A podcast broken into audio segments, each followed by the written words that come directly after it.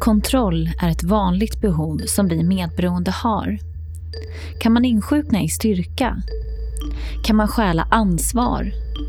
Vad menas med att vara möjliggörare och vad innebär det egentligen att vara medberoende? Karina Bong är beteendevetare och certifierad terapeut inom terapiformen Craft som inriktar sig på att hjälpa anhöriga till missbrukare.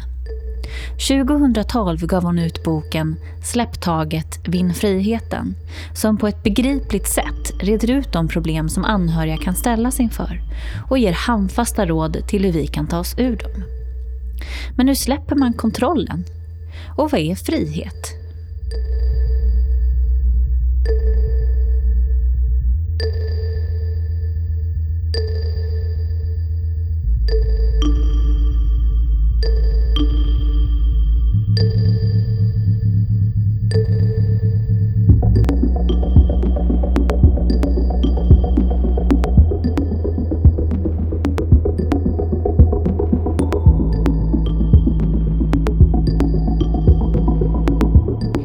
Tänkte om du skulle vilja börja med att berätta lite om dig själv och vad det är du gör. Jag heter Karina Bong och jag jobbar med anhöriga till personer med missbruks och beroendeproblematik. Och jag håller också utbildningar i motiverande samtal, motivational interviewing. Mest då för personal inom kommun och behandlingshem och sådär. Och så har jag skrivit boken Släpp kontrollen, vinn friheten för anhöriga till personer med missbruk. Hur kommer det sig att du liksom halkade in på det här med missbruk och anhörigskap och sådär? Det är en ganska lång historia. Ehm, dels så är jag anhörig själv, har varit anhörig till både personer med alkohol och eh, narkotikaproblematik. Och så sen har jag jobbat tio år inom kriminalvården och då jobbade jag med att motivera personer med missbruk till behandling. Och då fick jag ju kontakt med många anhöriga som ringde och var oroliga eller jag ska inte säga att alla anhöriga var oroliga. Vissa var också väldigt tacksamma för att deras närstående äntligen hade blivit häktad eller kommit till fängelse. Men det gjorde att jag började fundera på anhörigstöd. Både utifrån min egen situation men också alla anhöriga jag pratade med. Hur kommer det sig att det finns så lite stöd för anhöriga som påverkas så otroligt mycket av missbrukets konsekvenser? Plus att om man tänker exempelvis inom kriminalvården så de personer som har mest kontakt med den personen som sitter i fängelse, det är ju de anhöriga. De kanske har levt med personen 20-30 år innan de hamnar i fängelse och kommer leva 20, 30, 40 år med personen efter att de kommer ut därifrån. Så det här är ju otroligt viktiga människor. Men ändå så är det som att man inte tilltalar anhöriga. Man frågar inte efter deras hur de, hur de mår, hur de har påverkats av missbruket och också alla erfarenheter och kunskaper de har om personen med missbruk. Dels tycker jag det är intressant att du, att du började så att säga, med inriktningen att, eh, att jobba för eller med folk som själva har missbruksproblem eller ja, överhuvudtaget beroendeproblematiken. För jag tänker att just det när man själv har erfarenheter så, som medberoende också så finns det ju alltid den här att man vill försöka förstå. Men eh, hur kändes det för dig? Blev det att du kunde separera dig från dina eh, beroendepersoner som du har haft omkring dig för att se de här som, som de de var? Eller vart det istället att du nästan kunde utnyttja dina erfarenheter för att kunna spegla de här som du träffade, kanske både och? Jag vet också att när jag var 16 år så sa jag till min mamma att i mitt liv så ska jag kämpa mot narkotika. Och jag har ingen aning om varför jag sa så. Därför att just då, så, så vitt jag vet, så fanns det ingen som hade beroendeproblematik. Men jag hade snappat upp att det, det var någonting som förstörde fina människor. Så det ville jag kämpa emot. Så när jag kom in inom kriminalvården så var det nog egentligen ett intresse utifrån att se vad gör människor för att förändra sina liv. Och då läste jag kriminologi samtidigt, så det var ju också kriminalitet jag var intresserad av. Mm. Och se hur vänder människor sina liv? Vad är anledningen till att det kom en vändning? Men sen upptäckte jag ju då när jag jobbade inom kriminalvården att ungefär, vad är det, 70 procent av alla personer som sitter i våra svenska fängelser har eh, ett beroende. Och då insåg jag ju att det är beroendet som man behöver jobba mycket mer på. Och det där är intressant för det är ju också väldigt vanligt att de som missbrukar har ju ofta en bakgrund kanske att de själva har vuxit upp med ett missbruk omkring sig eller sådana saker. Eller våld eller vad det nu må vara. Och det är ju också intressant ur det perspektivet att ta hand om de anhöriga. Så tänker jag att det kanske till och med är att motverka senare uppkommande av, av beroendeproblematik eller så. Och beroende, det behöver inte alltid vara narkotika eller alkohol utan det är ju väldigt många som tar till andra eh, mat eller spel eller, eller shopping eller vad det nu skulle kunna vara. Missbruk och beroende det är ju en flykt från någonting. Och eh, vägen man tar för att fly det är ju olika för olika personer. Men det är ju att fly verkligheten. Kunde du höra sådana historier också när du var på fängelserna och sådär? Absolut. Man kan ju säga det att ingen som sitter i fängelse vill leva i den livssituationen som de lever i. De, i alla fall inte utav de jag träffade och de personerna med alkohol och, och narkotikaproblematik. Det är ingen där som känner sig tvärnöjd och, och, över att de har hamnat just på den platsen de är. Så jag tror att mitt intresse handlar mycket om, om förändring, att vända eh, det som kanske är destruktivt för en själv till att förändra och ta hand om sig själv och se till sina egna behov. Oavsett om det är personer med missbruk eller de anhöriga. Men då din första kontakt då med de här anhöriga till eh, de som satt på fäng eller i fängelse. Hur började du bemöta dem? För de kände ju tacksamhet och sådär. Började du ordna samtal där, där det var in, de var inblandade på ett annat sätt? Eller hur blev det att du utvecklade det där så att säga? Jag utvecklade inte det under kriminalvårdstiden utan det var mer än att jag uppmärksammade att här är det något stort som saknas.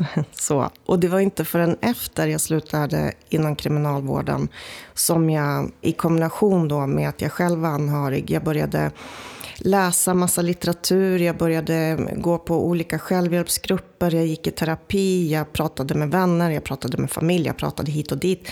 Det var då jag riktigt började engagera mig i att se, okej, okay, vad finns det för stöd? Vad är till hjälp för mig? Också erfarenheten då om avsaknaden av stöd som fanns inom kriminalvården. För sen arbetar du med någonting som heter craft-terapi. Mm. Och det vet jag att Socialstyrelsen också då eh, har, rekommenderar som, som just terapiform för anhöriga och så. Vad är det för form av terapi och hur fungerar det? Varför är det så bra just för anhöriga? Ja, CRAFT står ju för Community Reinforcement Approach and Family Training. Så man kan säga att det är ett träningsprogram för anhöriga hur de ska förhålla sig och kommunicera på ett mer funktionellt och konstruktivt sätt gentemot personer med missbruk än att fastna i dysfunktionella beteenden som inte hjälper någon. Och det kan ju vara till exempel tjat, kontrollbeteende, anklaganden, skuldbelägganden. Och det kan ju komma från båda hållen. Både att personer med missbruk anklagar och skuldbelägger sina anhöriga och så tvärtom att de anhöriga gör det också gentemot personer med missbruk. Och det här föder ju inget gott. Det blir inget konstruktivt, det blir ingen förändring utav det. Så um, Craft handlar om att hjälpa de anhöriga att hitta ett förhållningssätt som dels skyddar dem själva från missbrukets negativa konsekvenser men också kan vara ett stöd eh, för att försöka uppnå förändring hos den personen med missbruk. Är det någonting som du halkade in på eller hur hittade du? För det är ingen, det är ingen terapiform som jag har hört så mycket om. Nej, den är jätteny i Sverige. Jag är den första i Sverige att certifiera mig i Craft. Um, och det var faktiskt en bok som heter Get your loved one sober som jag beställde. Den kanske, det kanske var år 2007 eller något sånt där. Men så tyckte jag så innerligt illa om titeln, Get your loved one sober, så att jag öppnade inte boken utan jag surade på den kan man säga. Mm. Och så sen, ehm, ja efter ett år så öppnade jag äntligen boken och började läsa. Och då insåg jag att det här är någonting som inte finns i Sverige. Traditionellt så har vi ett litet slentrianmässigt sätt att säga till anhöriga att alla ska eh, stänga dörren och bryta kontakten. Inte alla får det rådet, men många anhöriga får det rådet utan att att man riktigt vet i vilken livssituation den personen lever i och vilken relation det är och så. Och jag vet att framförallt föräldrar till missbrukande ungdomar eh, och ungdomar som har börjat utveckla ett beroende, de är inte beredda att stänga dörren och bryta kontakten med sina barn. Och då såg jag att här kan craft verkligen bidra med en pusselbit som fortfarande saknas i Sverige. 2014 kom ju din bok ut. 2012 egentligen. Den första, första upplagan kom ah, 2012. Okay. Ja. Det är bara att jag har en andra upplaga. Ja, precis. 2014. Ja, men så då har den funnits ett tag. Den heter ju Släppkontrollen och vinn frihet. Och vad är frihet för dig? Ja, i, den, i det här sammanhanget så är ju frihet att kunna själv påverka och välja sina tankar, sitt liv istället för att vara besatt av olika kontrollbeteenden eller tankar som fokuserar på en annan persons liv hela tiden. Att kunna ta vara på sig själv och sin egen hälsa och sina egna behov. Eh, utan att sådana här tvångstankar som det kan bli när man hela tiden är besatt av att försöka kontrollera en annan person och eh, försöka hjälpa en annan person så att det blir på bekostnad av mitt eget liv. Så frihet för mig blir att släppa kontrollen, besattheten och ta hand om mina egna behov. Just det, för det sa du någonting, just att ta hand om mina egna behov. För det är ganska, jag har tänkt på det ganska mycket, både att det är mycket sådana här ord, ja men frihet och lycka är ju ett sånt ord man hör liksom slängas med hit och dit.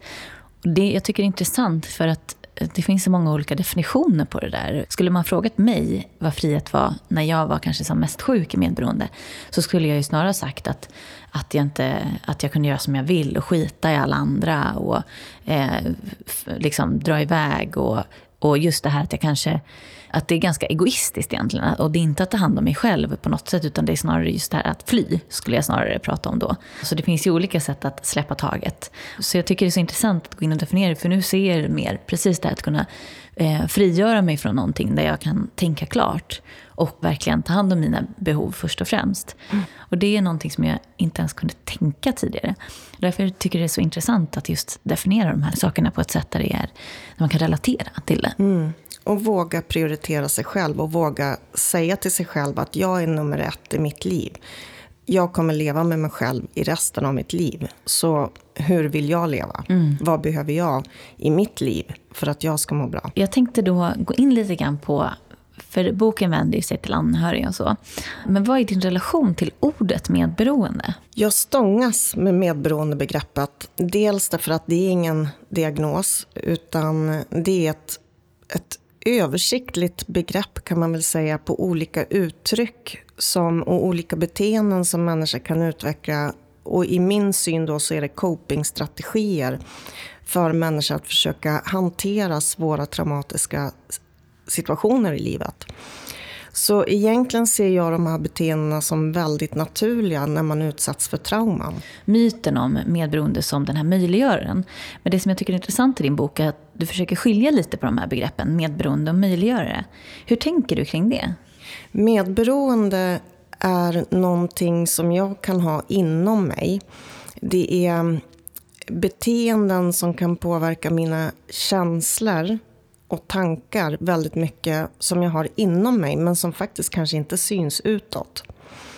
Ehm, att jag ligger vaken hela nätterna och oroar mig och kanske väntar på att någon ska smsa mig, att min närstående ska smsa mig så att jag vet att hon lever. Det eh, kan ju påverka mig väldigt mycket men det gör inte att, att det möjliggör eller underlättar för den andra personen att kanske ta mer droger eller dricka mer. Så för mig är de här anpassningsstrategierna det som händer inom mig och kan göra att jag kanske gör eh, sämre eller bättre val. Eh, ja, så det är en, en känslomässig och tankemässig process inom mig själv för att försöka anpassa och stå ut i en väldigt svår situation. Medan möjliggörande, det handlar ju om att man riskerar att underlätta ett missbruk. Men det vill jag också göra klart. För att jag tycker att ofta så stämplar man möjliggörande som väldigt negativt. Men det tycker jag är väldigt viktigt att framhålla att det finns inte en enda anhörig i världen som möjliggör ett missbruk för att de tror att de ska öka ett missbruk alla sådana ageranden börjar med goda intentioner. Man hoppas att man räddar någon. Man vill rädda livet på en annan. Och då finns risken att man försöker hjälpa på ett sådant sätt så att det förenklar för personen att ta mer eller dricka mer. Så möjliggörande börjar alltid med goda intentioner. Alltså som, som beroendepersoner generellt är ju väldigt skickliga på att manipulera. Och jag tycker mig höra, framförallt tror jag att jag hör fler hos fler föräldrar som har barn som missbrukar. Att, oftast då kanske de är lite äldre barn, eh, att de kommer och liksom, nu sitter jag verkligen i skiten, eh, jag behöver pengar, eh, jag kommer, de hotar att mörda mig eller någonting. Och då blir den här föräldern så här, herregud, ja vi måste rädda den här situationen. Och så ger de pengar och sen är det liksom att jag mår så dåligt, jag måste ha tag på, Eh, jag måste ha liksom en flaska sprit eller jag måste ha det här. Mm. Och så som den personen lägger fram det så är det ju ofta att det, att det här är det enda alternativet. Jag dör annars, eller jag, det går inte. Och då blir det ju att den här personen hamnar i ett sånt här kval, precis som du säger. Att, och att man kanske hela tiden går på den där om och om igen. Fastän man har hört den där varenda gång. Så är ju rädslan där hela tiden att den här gången kanske det är på allvar verkligen. Mm. Eh, och jag, tror, jag vet inte, jag har inte hört jättemånga sådana historier när det är en partner. Möjligtvis om det är en partner där det finns barn involverade, att, det, att man kanske säger med genomsprit för att han inte ska ställa till någonting eller så. Men jag, jag, tycker det är väldigt intressant och att som du säger att det inte är att man klandrar att det låter så himla negativt med möjliggöraren. Men jag tycker också, jag tycker du är inne på någonting där med att det inte behöver vara så att alla medberoende är det och tvärtom. Liksom. Mm. Och nu drar vi på, på ganska höga växlar om ja. man tänker betala skulder till exempel. Jag som anhörig kanske tar ett lån. Mm. Så jag får en försämrad ekonomi för att jag ska betala en knarkskuld åt en annan. Och det ska man också... Eh, jag tycker du var inne på någonting när du eh, sa det här att det händer om och om igen. Vad man kan försöka hjälpa anhöriga med, eller om, om du som lyssnar är anhörig själv, det är ju att försöka se mönster i de här beteendena. För när man börjar se mönster så blir det mycket lättare att agera annorlunda. Jaha, titta, nu händer det här igen. Nu sa han exakt så som han gjorde för tre månader sedan också. Vad blev konsekvensen då? Och det här har han ju faktiskt sagt flera gånger förut. Och då gjorde jag så här och konsekvensen blev så här. Vad kan jag göra annorlunda nästa gång för att bryta det här mönstret? Men sen finns det ju andra saker man kan göra som underlättar um, att personen kan ta mer. Och det är ju sånt vi som anhöriga gör som minskar konsekvenserna för personen med beroendet. Och det kan ju vara allt ifrån att jag är tyst, jag säger ingenting, jag låtsas inte, låtsas inte om problemet. Och det är klart att om jag inte är tydlig och uttrycker att jag ser ett problem, då tror ju personen med missbruk att det inte är något problem, det är ingen annan som ser. Eller om man är en familj och jag är den enda som påtalar problemet, eh, att jag är orolig eh, för jag ser att du dricker mer och jag är rädd att, att du kanske förstör din hälsa med, med alkoholen. Om jag är den enda som uttrycker min oro men alla andra är tyst, då är det ju väldigt lätt att skylla på mig och säga att det är du som överdriver. Det är du som är värsta nykteristen. Om du bara kunde ta ett glas så skulle det inte vara så farligt. För alla andra är tyst. Ehm, sen finns det ju andra saker som kan underlätta. Det, är ju, det kan ju vara att man ljuger till förmån för personen. Så om man eh, kanske ringer och sjukskriver personen eller man kanske eh, låtsas som ingenting. Eh, ett exempel kan vara att om socialtjänsten är inblandad, om det gäller en ungdom, så kanske man ljuger till socialtjänsten och säger att nej men det fungerar jättebra och han sköter sig och det är inga problem. Och egentligen är det värsta misären där hemma. Så man håller upp en fasad som ger signalen till personen med missbruk att det här är ju inga problem. Jag kan fortsätta för det är ingen som bryr sig eller det är ingen som märker något. Och just det där alltså att inte ta upp det, att inte adressera problemet är ju på något sätt att möjliggöra det. För att det gör ju att det kan fortsätta, att inte, man inte sätter den där gränsen. Och den, det tror jag, där är vi ju många som plötsligt blir möjliggörare ändå. Och just det här att man ljuger eller täcker upp för eller precis som du säger ringer och, och sjukanmäler eller vad som helst som egentligen gör att den personen fortfarande kan hålla på och att det här problemet inte får konsekvenser på det sättet som det behöver kanske. Exakt, och jag tror att alla kan känna igen sig i det. Att har man ett beteende eh, som man själv tycker är positivt och ingen annan anmärker att det skulle vara ett problem eh, och mitt beteende får absolut inga konsekvenser, så varför i hela världen skulle jag förändra mig? Om jag eh, äter Ben Jerrys varje kväll, jag älskar Ben Jerrys, men jag, har, jag kan inte se att det skulle få några negativa konsekvenser för mig att äta så mycket socker. Och ingen lyfter upp heller oron gällande att det är väldigt mycket socker och hur jag funderar kring, kring det problemet. Varför skulle jag sluta? Det finns ju ingen anledning. Om det bara är positiva eh, effekter av ett beteende jag har, så då kommer jag ju fortsätta. Mm.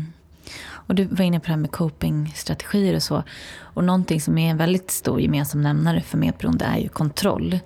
Och där är ju också så att det är många som bara, men jag kontrollerar inte, jag håller inte på styr och ställer. Men det är också det där att, att eh, förhålla sig, också att försöka kontrollera det. För det är också en sån copingstrategi som, som eh, man försöker göra för att klara av det här. Eller kunna kontrollera situationen i sig själv om inte annat.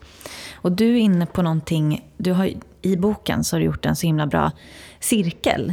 Där det på något sätt beskriver, ja men som en kontrollcirkel. Där det börjar med något som kallas för stimuli och eh, slutar med ångestlindring.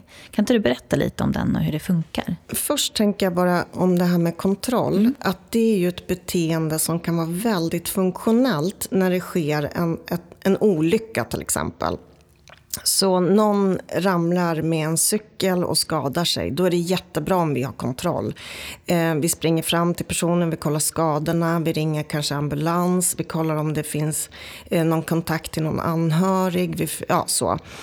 Eh, så de här kontrollbeteendena fyller en funktion när det är kris ja, en krissituation.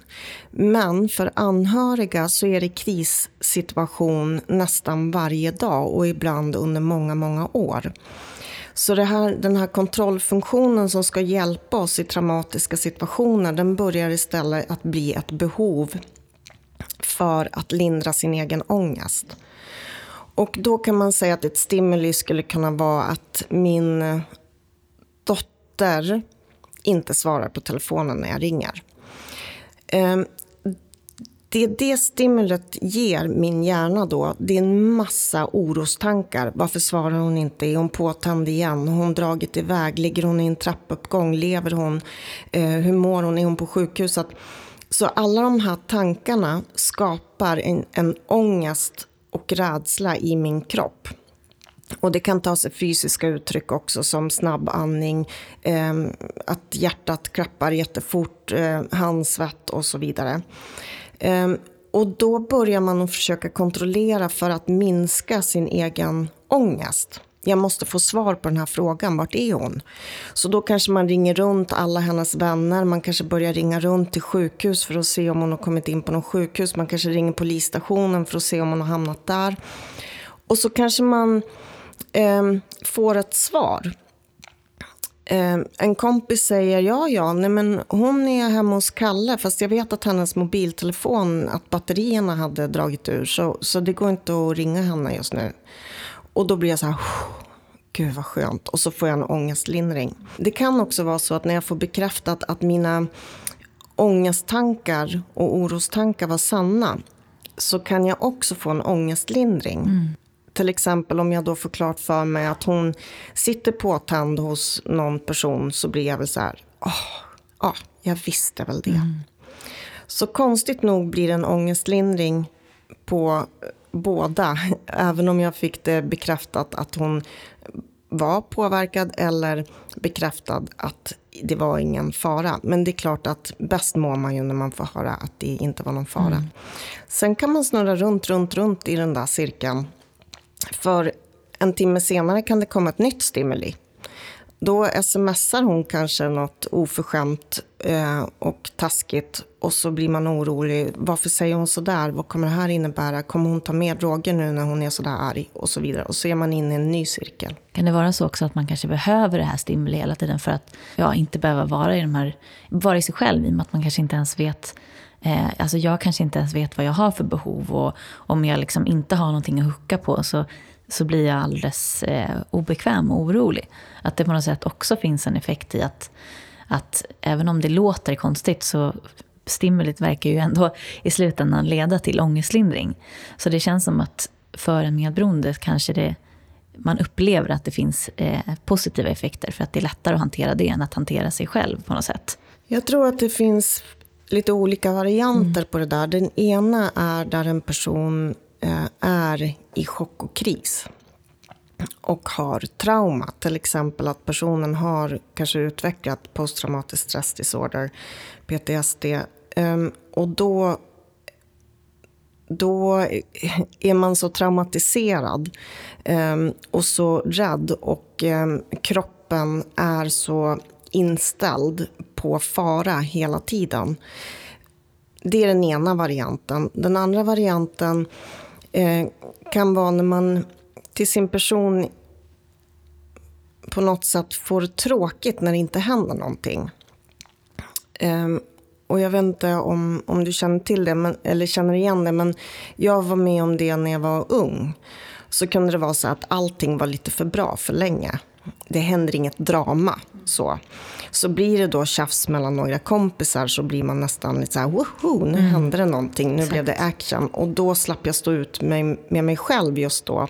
För just då kanske jag hade tråkigt eller just då så kanske jag var rastlös eller just då kanske jag hade obehagliga känslor gällande någonting annat. Men då blev det någonting annat att sätta fokus på en stund. Och just det här att det kanske är tryggare att vara i en, i en katastrof eller en eh, situation som är lite obehaglig än det här ovissheten att gå och vänta på att när som helst kan det slå till. Det kan jag i alla fall känna igen att det nästan var lättare att hantera när det var eh, uppenbart katastrof så att säga, omkring mig. Än att det här, nu är det bra. Och det, även om det är klart att det gick att njuta lite grann så fanns hela tiden den här oron att när vänder det? Och sen när det vände så är det nästan som, ah, okej. Okay. Och det är lite det där du var inne på också. att ja, nu blev det bevisat att, att det är så fortfarande. Så det även om alltså förhoppningen om att det ska gå över, och så går det över. Min mamma exempelvis som är bipolär, så när, det var, när hon var friskare, då var det ju egentligen en friskare miljö runt mig. Men jag, och det var ju som en pust ut till att börja med. Men sen blev det den här orosperioden när det bara närvände. Så att det, det, är ganska, det är väldigt dubbelt att man på något sätt lär sig att tryggheten är när det inte är bra på något sätt. Mm. Konstig mekanism för folk som kanske inte har växt upp i de här förhållandena. Och då är det ju också så att det dysfunktionella har blivit normaliserat. Mm. Man väntar på det, det ska vara så. Allting annat är konstigt. Vilket gör att det kan pro bli problem då i andra relationer. För då väntar man på när smällen ska komma och så kommer den inte och då blir man misstänksam och, och sitter och väntar på den. Ett annat begrepp som jag hör ofta, eh, som du också tar upp i boken, är någonting som heter insjukna i styrka. Och det tycker jag är ett jättebra uttryck, för jag, verkligen, det känns som att det säger så mycket. Eh, vill du berätta lite om insjukna i styrka? Det är som du säger ett begrepp man använder. Mm. Och det, med det menar jag inte att man blir sjuk. Nej. Utan det är ett begrepp man använder som jag också använder i boken. Eh, och det kan man säga är motsatsen till offer. Så en person som antar offerrollen, eh, då blir man eh, men lite martyr sådär nästan. Ja, martyr och påverkad av allt och alla som är runt omkring en och man har ingen egen styrfart. Eh, utan allt vänds emot dem eh, och de är utsatt av alla. När man eh, tar den andra rollen, då är man mäktigt stark kan man säga. Man tror att man kan kontrollera och styra allt och alla. Ehm, man, man har en övertro på sig själv att man tror att man har förmågan att påverka mm. andra människor mycket mer än vad man har. Det här kan också bli självbekräftande. Så om du har, eh, mår jättedåligt och så ringer du mig klockan två på natten och jag får åka iväg och rädda dig från en situation här så får jag självbekräftelse att titta vad jag räddade upp den här situationen och jag tog hand om det här. Och då växer eh, mitt eget ego kan man säga. Och är det då en situation där alla de här personerna runt omkring sig, eller vi säger personer med missbruk, där den blir, går in i behandling och börjar ta ansvar för sig själv och inte längre behöver mina akututryckningar eller inte längre behöver att jag ska vara så stark och reda ut allting då kan det bli en stor smäll för min självkänsla, för då vet jag inte vad jag ska vara till för längre. När jag inte får rädda andras katastrofer, vad ska jag då göra? När jag inte får vara den starkaste eller stark för alla andra, vem är jag då? Det är jättebra att du jämför de där två tycker jag, för det, är ju, det märker man ju också att ah, ofta är det en person som är helt man har liksom kapitulerat inför att allt är skit. Och eh, den här personen tycker jag ofta är en sån, så när man träffar dem så är det som att det enda de kan prata om är hur jobbigt allt är och att det här och det här, inte så mycket så här mår jag, utan väldigt mycket allt som sker. För det blir som ett bevis på att jag kan må dåligt. Men den här presteraren, presteraren tycker jag är mer lömsk, för att den visar ju inte att den mår dåligt. Utan det är precis som du säger, att hela tiden få bekräftat att jag kan det här, jag är bättre. Liksom. Och det upplever jag, då är det ju svårare att komma till den här punkten att det skulle vara något, att jag har något problem. För på något sätt, för att kunna kliva ifrån och tillfriskna på något sätt för medberoende så krävs det ju att komma till insikt, att liksom krascha på något sätt i det. Och den Eh, jag hör ju det från så många. Folk som eh, presterar jobb, som är, kanske presterar mat. Alltså att de, eh, många som får ätstörningar och sånt. Och jättemånga som ser till att vara den roligaste på festen. Som eh, ja, men hela tiden är den som bräcker alla och lyckas med det. Och de personerna är ju sällan sådana som man utifrån tror har problem heller. Så det är ett ännu bättre på något sätt skydd från att behöva gå dit. Så jag tycker ofta att den formen av medberoende nästan är ja, den är mer lömsk, den är svårare att liksom bryta igenom på något sätt. Absolut, därför att det innebär att man får så mycket positiv feedback och så mycket bekräftelse också eh, runt, från så många runt omkring. Mm. Och det är klart att eh, det som upplevs positivt för en, det fortsätter man ju göra. Och ett annat begrepp som du använder också, det som jag tycker låter så bra, att stjäla ansvar.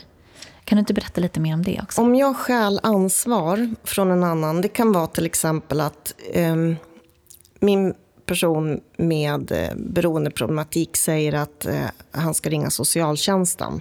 Eller att han behöver få kontakt med socialtjänsten. Och jag kliver in och säger, ja men jag kan ringa så åt dig om du vill. Då har jag minimerat den personen och tagit över och stulit den personens ansvar och möjlighet att utvecklas. För om en person ska växa så behöver de ju ta eget ansvar och känna att ha, jag kunde ringa SOS själv. Och min socialsekreterare lyssnade på mig och jag kunde eh, berätta om mina behov och vad jag ville. Och då växer den personen. Men om jag alltid stjäl andras ansvar så kommer jag inte låta andra växa. Som jag upplever förekommer mycket också bland föräldrar som är medberoende. Att man på något sätt så här, att det hela tiden finns den också besvikelsen. Exempelvis att den här personen lagar mat och fixar och donar. Och sen efteråt blir liksom lite så här, ja, jag får göra allt själv. Och, men aldrig ger den andra, frågar aldrig, skulle du kunna tänka dig att laga mat eller så? För att den här personen behöver ju ha det här för att kunna på något sätt, ja men också lite grann motivera eh, det här beteendet som man själv behöver. För det är också en sån här coping strategi. Och där har man ju klivit in då i offermartyrskapet. Mm. Att ställa upp på saker man kanske inte vill göra och sen klandra den andra för att man har gjort det. Och sen så tänker jag på det här som vi också var inne på, det här att sätta sina egna behov före eh, att hela tiden prioritera någon annan för att kunna fokusera på det. Jag, jag, tänker att det här är också en sån grej som jag upplever att många vet inte ens vad de har för behov. För man har liksom aldrig fått möta det. Det är någonting som är en sån här, det är som att gå in i en vägg när man väl börjar tillfriskna. Man börjar förstå att man har den medberoende problematiken. Och så börjar man säga då att ah, men nu ska jag fokusera på mig själv. Men så är det så här, men vad behöver jag? Jag har ingen aning om vad jag behöver. Har du några tankar kring det här? Liksom hur man hur man kan komma fram till vad man har för behov mm. eller så. Så ifall det är så att man har den erfarenheten av att man har kanske aldrig lärt sig att observera sina behov. Då är det förmodligen så att man har växt upp med eh, föräldrar med missbruksproblematik. Och därför har man inte eh, fått lära sig att sätta sina behov eh, i första rummet och man har inte lärt, fått lära sig att kommunicera sina behov heller. Och kanske har man fått lära sig felaktiga tolkningar av sina egna behov och känslor. Och då finns det ingen quick fix. Utan då får man traska sig iväg till terapi troligtvis. Mm. Och det här kan också ta sig i olika uttryck. Eh, beroende på ja, de anpassningsstrategier man har försökt, försökt att använda då som barn. Eh, har man försökt att vara den roliga typen som ska få sina föräldrar på, på glatt humör, ja då kanske man i alla situationer använder humor så fort det blir en svårighet och så. Men man har väldigt svårt att, att kontakt med sorg, sorg och ilska kanske. Eller är man en annan variant som blir väldigt utåtagerande och aggressiv och ställer krav och eh, manipulerar därför att man märker att ingen annan tar hand om mina behov så jag måste ta hand om dem själv. Då behöver man annan sorts hjälp. Mm. Och kanske är det också så att man eh, utvecklar, eftersom att man lever i en konstant traumasituation så kanske man utvecklar komplex PTSD till exempel och då, kan, då behöver man ju troligtvis terapi för det. Mm. Man kan ju också bli helt avstängd och på något sätt dissociera sig själv från från andra människor, från platser. Att inte känna något, att inte känna någonting i relationer till andra och sådär. Mm. Så är det så att man känner att jag har inte någon koll på mina behov, jag vet inte vad jag mår bättre av, jag vet inte vad jag gör som jag gör att jag mår sämre. Eh, och så här har det varit sedan jag var barn. Då är mitt starka tips att man traskar iväg och söker hjälp. Precis som du säger, när man inte vet själv och man inte har fått den här sunda speglingen med sig som barn, så kanske man faktiskt behöver ha någon där som faktiskt vet vad som är sunt och vad de här känslorna är till för och eh, börja lära sig och bli bekväm i att känna olika saker. För det är först då man kan liksom, hur mår jag av det här? Är det så att jag känner mig ledsen? Ja, men då kanske jag måste alltså, agera utifrån det istället för bara reagera på någon annan hela tiden. Du var inne på det lite grann, även om vi inte pratade om det. Men gränser. Alltså det, finns, det känns som att det är väldigt många som antingen är gränslösa, alltså både i sitt beteende att man kan kliva in hos vem som helst och försöka styra och ställa, men också att tillåta hur mycket som helst att komma emot den. För sen finns det ju de som, som bara är en stor gräns. Alltså det är som att jag vägrar ta emot någonting. Och för det finns, där är ju också det här att man pratar om ofta att man inte drar gränser. Men det här, återigen, att hitta tillbaka till det sunda. Var bör jag dra en gräns? Liksom? Det är, vad tänker du kring det här med gränser? Ja, jag tänker att ingen annan än personen själv har svarat. Så det innebär ju att man förmodligen behöver hjälp att prata om vad som lämpligen är bra gränser för mig. Man kan väl säga som så att när jag har klivit över mina gränser och är inne och roddar i någon annan persons liv så kommer det göra att jag blir irriterad, blir frustrerad, eh, ja, förmodligen eh, dömer eller anklagar den andra personen för de inte gör vad vi tycker att de borde göra. Och då har vi klivit utanför vår gräns eh, och klivit in i en annan persons liv. Likväl som om när personer kliver in, in över våran gräns så är det förmodligen vi som kommer känna oss eh, skuldbelagda kanske eller eh, att vi känner att vi har blivit överkörda eller vi kanske märker att vi har sagt ja men sen så sitter vi och ångrar det och känner att nej, jag skulle ha sagt nej, jag trivs inte alls i den här situationen. Och då har vi kört över våra egna gränser och tillåtit andra kliva över våra gränser. Så att börja då bli observant på sig själv. Nej men vänta nu, nu känns det inget bra. Vad är det som gör att det inte känns bra? Eh, det känns som att i det här telefonsamtalet så fick jag inte en syl i vädret och det var bara den andra personen som kom med sina tyckanden och tänkanden om mitt liv eller mina val. Jag borde ha satt en gräns där. Vad kan jag göra nästa gång det här händer? Och eh, åt det andra hållet, vad är det som gör att jag blir så frustrerad och förbannad på den här personen när den inte gör det jag tycker att mm. den ska göra? Ah, det är jag som har klivit över den personens gräns och försöker kontrollera en person och det kan jag inte. Så hur kan jag stoppa mig själv då? Och speciellt, jag tänker om det är en person med beroendeproblematik så är det en sjukdom, och ofta en progressiv sjukdom. Och just det där att hela tiden att många medberoende behöver ju stanna kvar för att man vet inte heller hur man skulle vara om det skulle vara en bra relation. Så det här är ju det här är ju liksom det normala. Men i, i och med att man hela tiden fortsätter att inte dra gränser så är det ju också tillbaka på den här möjliggöraren. För det gör ju att den här personen inte får ta konsekvenser själv. Utan att vi hela tiden tar bort de här konsekvenserna på något vis. Och det är ganska, det där är lömskt. Men precis som du sa så kan vi ju faktiskt inte förändra någon annan. Men vi kan förändra oss själva. Ofta så är det intressant, för när vi börjar förändra oss själva så börjar ofta omvärlden, det är som att det sprider sig som ringar på vattnet. Och det där är ganska häftigt tycker jag också. Absolut. Och för många som har växt upp med beroendeproblematik så blir ju inte den här svårigheten att sätta gränser bara för personen eller för föräldrarna med beroendeproblematik. Utan det kan ju gälla alla relationer. Mm. Vänskapsrelationer, arbetsrelationer. Så det gör ju att det blir ringar på vattnet. När jag börjar observera mina egna behov, mina egna gränser, så kommer det påverka flera olika relationer.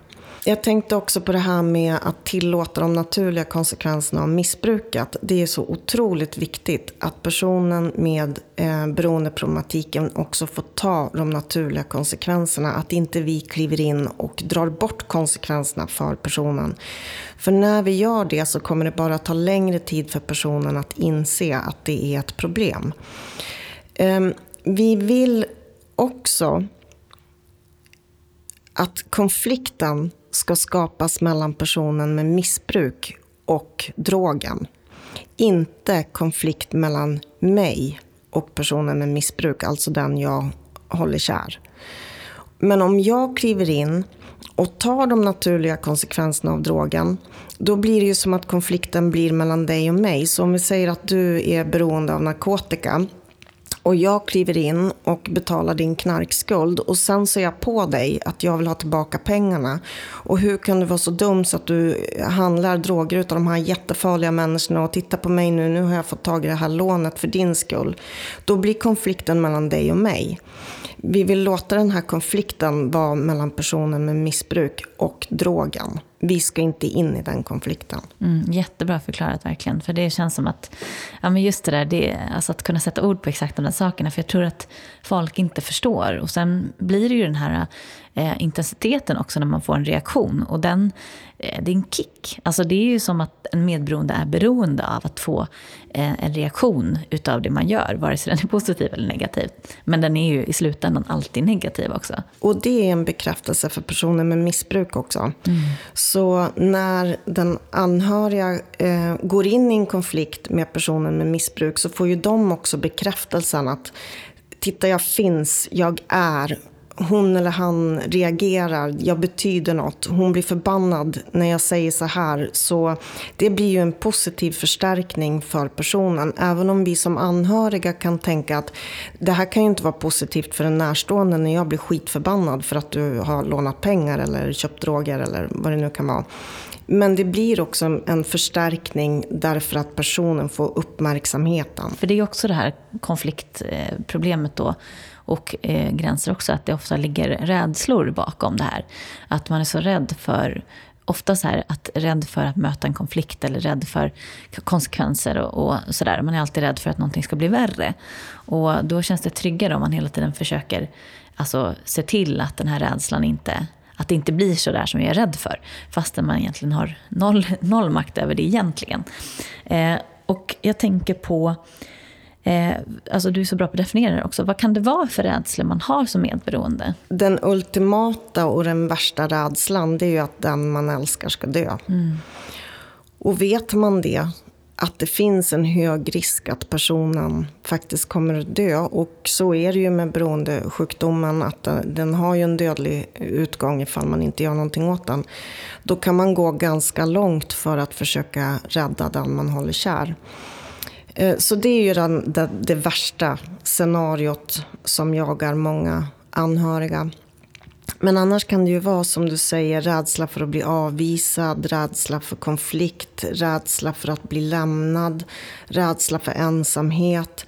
Um, ja, det finns många olika rädslor där i botten. Mm. Det var jättebra just det där att personen ska försvinna på något sätt. Och ofta då det värsta är ju eh, att den personen skulle dö. Och jag tycker ofta att, eh, att folk i medberoende relation till, det kan egentligen oavsett om det är ett barn eller en partner eller en förälder eller så, så är den eh, det obehaget nästan, alltså det är värre än att jag själv skulle dö.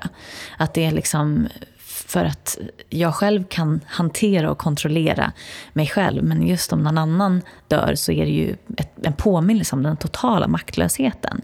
Och eh, vad, vad, vem blir jag utan den här personen? Det är klart att man inte tänker så, men någonstans så gör ju det också en jättestor rädsla för att det kommer tillbaka så mycket till en, till en själv. Och det är olika mm, grad och eh, orsaker till de olika rädslorna. Om man tänker en relation till exempel att jag är rädd att bli lämnad och rädd att bli ensam och inte tro sig vara någon om, om man inte lever tillsammans med den personen. Så att man är beredd att eh, försaka sina egna värderingar och, och sina, sitt eget mående och sina egna behov till, till förmån för att man får leva tillsammans med den personen för man tror inte man är någon utan den. Um, det är ju den ena varianten. Den andra varianten är ju då exempelvis föräldrar som är rädda att deras missbrukande ungdomar ska dö. När det kommer till alltså medberoende och rädslor och sådär så känns det som att det generellt ofta Alltså det, det faller tillbaka på när man till exempel pratar om relationer. Att, att det, vi behöver, alltså det är ofta väldigt mycket dramatik. Och vi behöver på något sätt den här dramatiken eh, omkring oss. Och den gör ju också att, så jag tänker så här, passion och dramatik, de ligger ganska nära varandra. Att man har den bilden av att eh, riktig kärlek innehåller den här dramatiken. För att det är så starka känslor, så det är som att man kickar i intensiteten på något sätt. Det är så många som är så här, men om jag om den här relationen tar slut, jag kommer inte, le- jag kommer inte överleva. Och det är också det här att man har noll förståelse för vad en sund relation och att man kan älska varandra på ett sunt sätt. Och det är, det är därför ofta ännu svårare, även när man börjar se sina problem, att lämna. För att men, men gud, det kommer inte finnas någon annan för mig som, är, som det är så här starkt med. Liksom. Och det där är också väldigt, väldigt lurigt tycker jag. Och då undrar jag om man inte börjar tendera att dra mer mot kärleksberoende mm. själv. Mm. Att man har lämnat medberoendebegreppet där och drar mot att man själv har ett, ett kärleksberoende. Mm. Och att man kanske från uppväxten har skapat traumatisk bindning till sina föräldrar och man förväntar sig att kärlek är detsamma som trauma eller, eller att det ska kännas mycket det ska sårad eller så ska det vara fantastiskt. Mm. Det ska vara toppar och dalar som är både mm. höga och djupa. Och det är vad man förväntar sig av kärlek, för det är vad man lärde sig från sina föräldrar. Mm. Och när, eh, då börjar man ju söka det sen. Så man förväxlar kärlek med den traumatiska bindningen man har haft till sina föräldrar. För första kärleken man har är ju till sina föräldrar. Mm, och tar man bort den där relationen så är det också så här, då försvinner ju all den dramatiken och då är man ju totalt osäker. Det blir en rädsla själv, liksom, att man kan inte hantera det här lugnet. Och som du också var inne på, att, att det kan kännas att det, när det blir bra så är man mer otrygg än i den här katastrofen. Att, det liksom, att man, hin, man får någon slags eh, rädsla för när det blir för bra för länge. Mm. Och det är också intressant tycker jag. Och så att man kan tolka sunda relationer eller sund kärlek som innehållslös eller tråkig. Eller, um, för, för man förstår sig inte på det. Man kan inte tolka den varianten mm. av kärlek för man har lärt sig annan. Och finns det liksom ingen dramatik där så är, så är det liksom som att då får man försöka skapa det och funkar inte det, så, ja, då finns det inte då är det som att man inte känner den här attraktionen. För att det är inte den där starka känslan som man behöver. Det är ju väldigt, väldigt många som kanske när de hamnar i en sund relation inte kan vara kvar där. För att då blir det så här, men jag måste måste skapa drama och få för mig saker eller vad det nu är för någonting man tar till eh, som metod för det på något sätt. Men om man jagar passionen hela tiden och eh, är på jakt efter den toppkänslan hela tiden, då tänker jag att man bör kolla upp det här med huruvida man själv har utvecklat ett kärleksberoende. Mm det är en väldigt fin gräns där mellan medberoende och kärleksberoende. För det, det kan verkligen, precis som du säger, att det är plötsligt att man kanske faktiskt har slagit över i det. Och just när man är i sådana där riktigt intensiva relationer så man märker ju att det är alltså de här, den personen som, speciellt om den här personen gör slut med en, så är det som att hela världen går under. Man ser inget skäl att leva längre.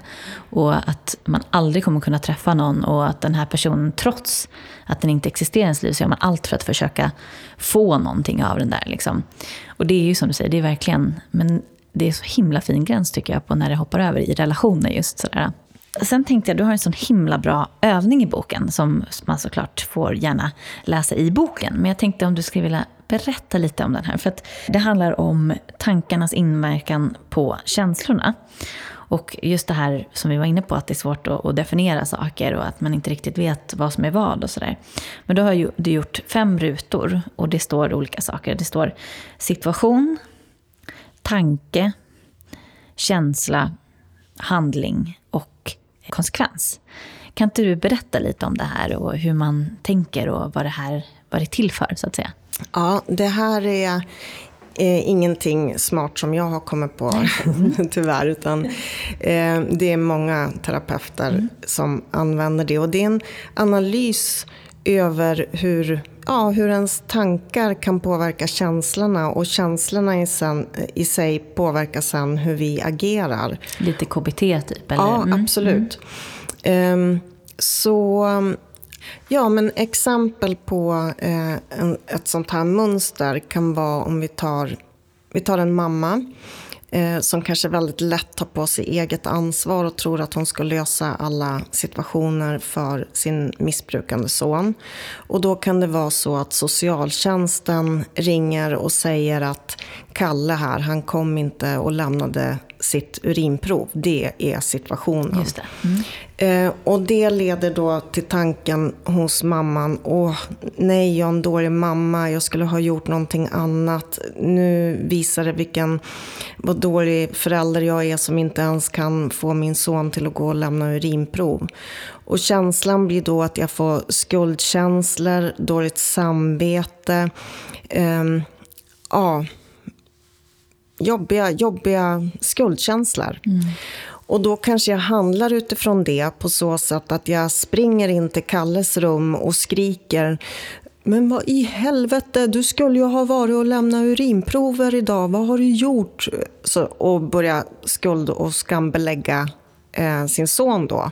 Och konsekvensen blir ju att det här blir en konflikt mellan sonen och mamman. Eh, och att man mår riktigt dåligt i efterhand och mm. känner bara att det här, det här blev ingen bra situation. Eh, jag får ännu mer skuldkänslor och dåligt samvete än vad jag hade innan. Jag lyssnade på en, eh, det var ett samtal där man pratade om medberoende i chefspositioner. Att det kan vara en den ena typen är den som liksom går och daltar med sin personal och vill ta hand om och se till att alla har det bra.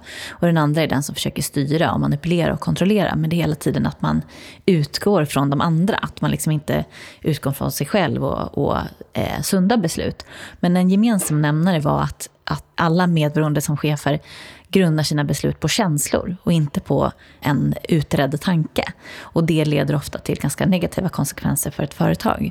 Och där tycker jag är lite grann samma sak, att hur känslorna och tankarna, att man liksom inte riktigt kan skilja på det, eller man ska säga. Men tankar skapar ju känslor ja, hos oss. Det är klart. Mm. Oavsett om de är positiva eller negativa. Om jag får en, en positiv eh, tanke, mm. eh, jag tittar ut genom fönstret och jag ser massa kvittrande fåglar. Och, och, jag tänker, åh vad härligt med en solig fin dag och alla de här kvittrande mm. fåglarna. Då blir ju känslan också eh, upplyft, eh, gladare. Så. Men att man kanske inte har den här sund, alltså att man inte reagerar sunt på känslor. Utan, och där är ju också en sån grej att väldigt många medberoende är jätterädda för känslor. Och då blir det ju direkt att man liksom kickar negativt oavsett på känslan på något sätt. Och det är också det här att man inte riktigt kan bryta ner och reda ut och det här att man pratar om negativa och positiva känslor. Det är också något sånt där som, som gör att så här, nu känner jag sorg. Och då är det så här, ah, bort med det. Men glädje är mycket lättare då att, att ta emot exempelvis. Vad som är lätt är att man övertolkar känslorna. Eh, så jag kanske känner en skuldkänsla för någonting men det betyder inte att jag faktiskt har skuld i någonting. Jag kanske känner skuldkänslor då för att sonen inte gick och lämnade urinprover. Men har jag verkligen skuld i det? Så man drar på väldigt mycket och tror att alla känslor är sanna. Eh, och det behöver de inte alltid vara. Och även om det kanske ligger en, en liten del i känslan så behöver de inte vara så maximerade egentligen. Man tolkar dem som om det är 100 procent fast egentligen kanske bara 5 procent ligger någonting i det där. Så att man inte riktigt kan, man har inte lärt sig identifiera själv. Så just där kan jag också se, som du pratar om, en terapi eller åtminstone bara prata med någon annan. Att man kan liksom så spegla det här, så här. Och då kanske den här personen säger, men du har ingen skuld i det där, det är ju hans grej eller så. Att mm. man då kan få perspektiv och inte bara, bara agera eller reagera på känslor hela tiden. Det är otroligt viktigt otroligt viktigt att få perspektiv. Um, och det är därför också som man som anhörig behöver prata med andra. Om det är terapeut eller om det är självhjälpsgrupper eller om det är både och.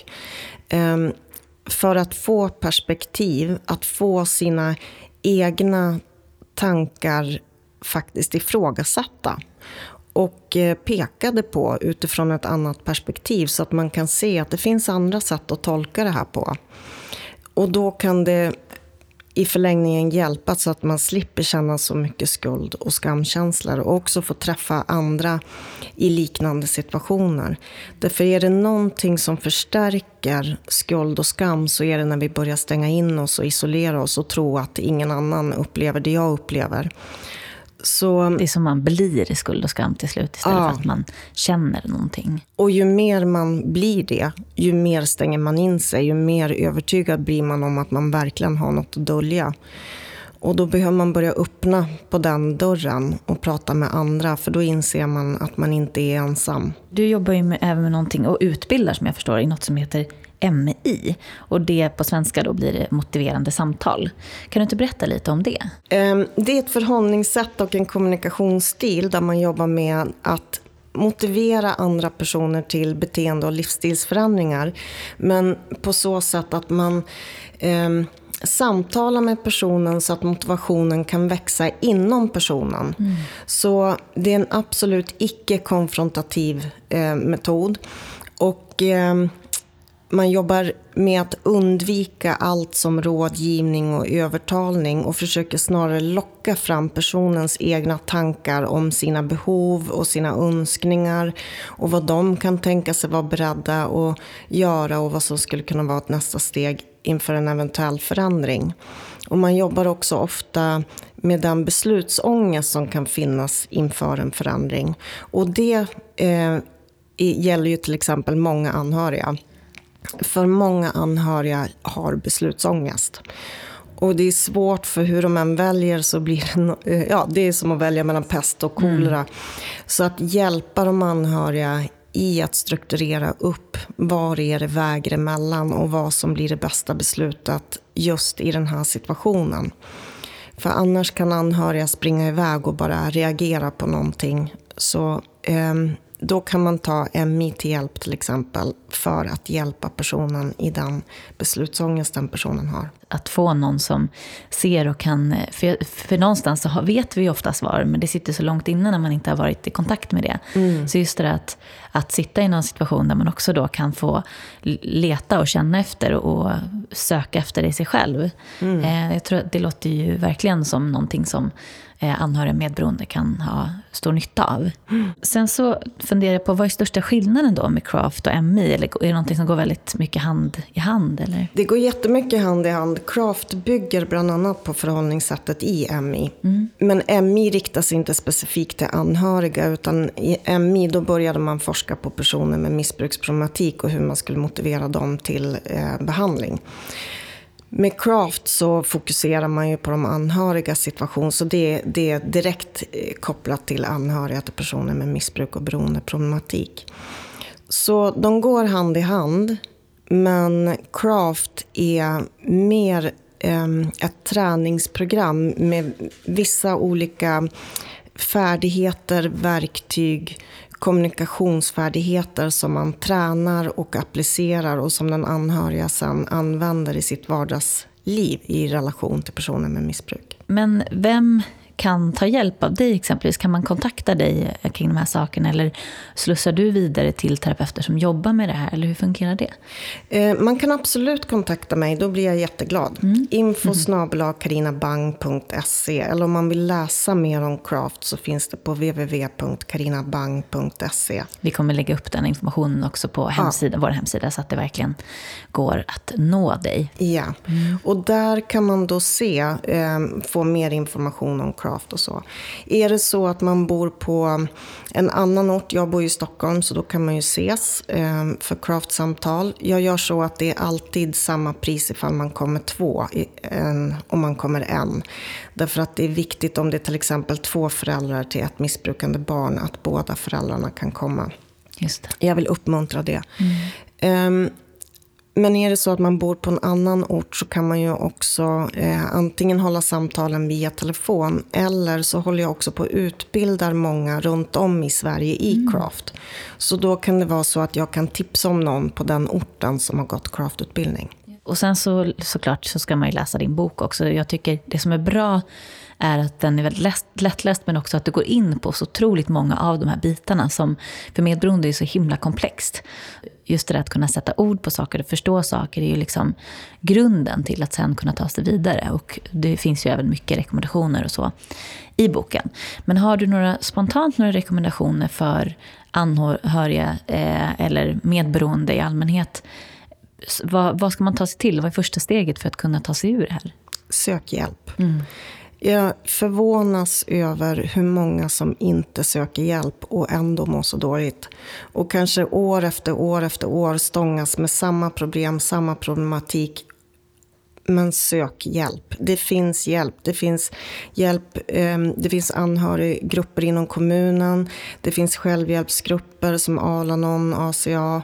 Ehm, det finns anhörigterapeuter. Ehm, det finns ideella verksamheter som Föräldraförening mot narkotika, eh, AHA, Anhöriga hjälper anhöriga, AMD, Anhöriga mot droger, eh, ja, Trygga Barnen som mm. ni också har pratat med. Så det finns hjälp. Mm. För tio år sedan fanns inte så här mycket hjälp, men nu börjar det faktiskt finnas hjälp. Så sök hjälp. För det var ju det du var inne på, liksom, varför, du ens, varför du började hand, alltså, rikta in dig på det här, för att du upplevde att det verkligen inte fanns hjälp. Så det känns ju fantastiskt att det nu att det på något sätt har skett en utveckling, i alla fall i rätt riktning kan man ju, kan man ju tycka idag. Och i Socialstyrelsens nationella riktlinjer stärker de också de anhörigas roll och rätten till hjälp. Mm, fantastiskt. Tusen tack Karina för att du var med och pratade om det här. Jättetack. Vill du veta mer om Karina och craftterapi eller hur du kan ta hjälp? Gå in på www.karinabang.se. På vår hemsida www.medberoendepodden.se under fliken Gäster hittar du all information du behöver. Och glöm inte att läsa Släpp taget, vinn friheten. Det är en jättebra bok som går in på det mesta du behöver veta om medberoende och hur du kan förändra ditt beteende. Medberoendepodden heter vi även på Facebook och Instagram. Och på Instagram så lägger vi dagligen upp inspirerande citat och sånt som du kan ha nytta av som medberoende.